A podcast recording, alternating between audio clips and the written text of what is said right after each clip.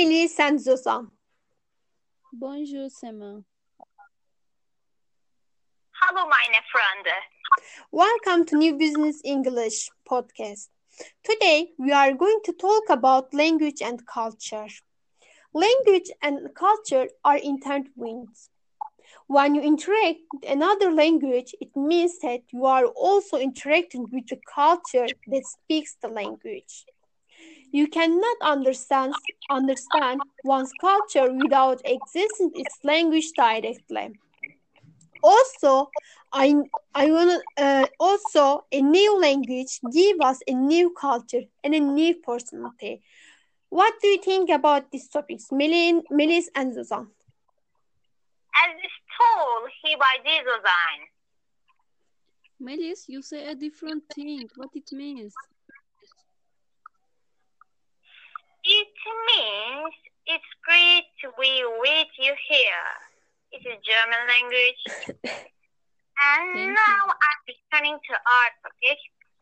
Culture and language is connected with each other as the must-have, and the language that we speak influences our cultural identities, uh, as well of time, identities, and social realities. To be simple, language facilitates social interactions and makes interactions easy. And Zuzan, what do you think about this? Yes, I agree with you, Melis. Uh, language is also used to transmit values, laws, and cultural norms. It also reflects the personal identity. Through language, uh, members of specific culture communicate with each other. Uh, language has many aspects of aspects. Uh, as you know, we can say a word in different language and different way. Yeah. Zuzan and Melis, I wanted to ask uh, a question. Is there any language uh, which your uh, favorite? Which are which is your favorite language? All of language are my favorite and I want to learn all languages, but now I like English language because uh, it is a very interesting and it sounds good to me. Hmm, Okay. Melis? Actually, this is a difficult question for me. You know, I'm interested in lots of languages, Yeah. uh, and I do not separate them. But maybe I can say Turkish is my favorite language. Hmm, okay, it's very it's good. Um, I, actually, I uh, also I want I want to say, uh, for me, it's actually um my favorite Spanish. My favorite language is Spanish. I wanted to learn Spanish and Korean. Oh, Uh, this amazing language.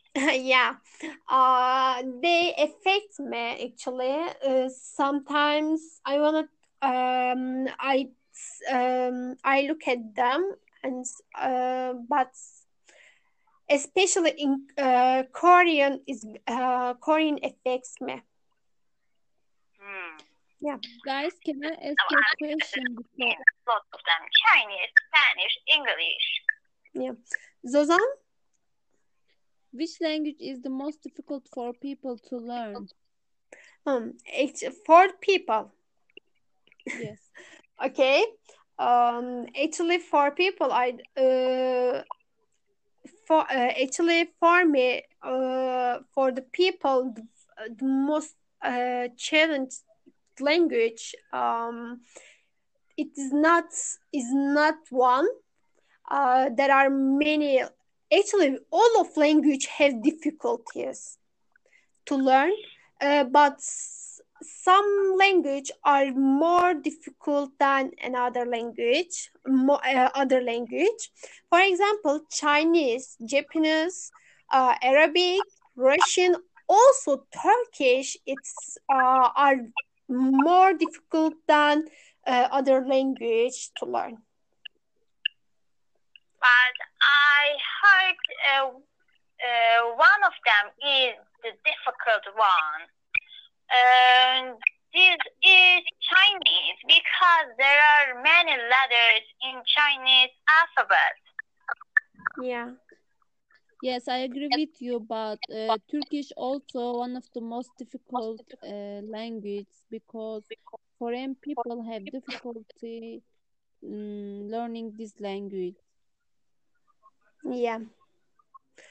Also, I wanted to say uh, some words uh, in other language. For example, ti amo and te amo in the Italian and Spanish uh, also um, only I and uh, E uh, letters is different. Also, ya luplu tibia in the Russian, uh, their uh, meaning uh, their meaning uh, is I love you. I'm sorry for interrupting you. You said "ti amo" means I love you in English. Yeah. Am I right? Yeah, I said they are uh, I love you. Also, uh, in the Kurdish, my native uh, my native language, uh, it's um, I love you.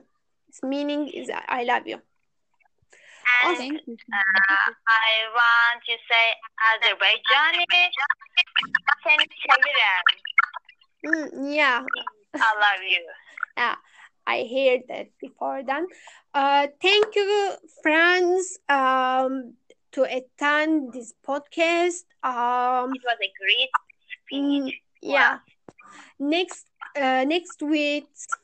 Uh, see you next week. Auf Wiedersehen. See you, friends. See you.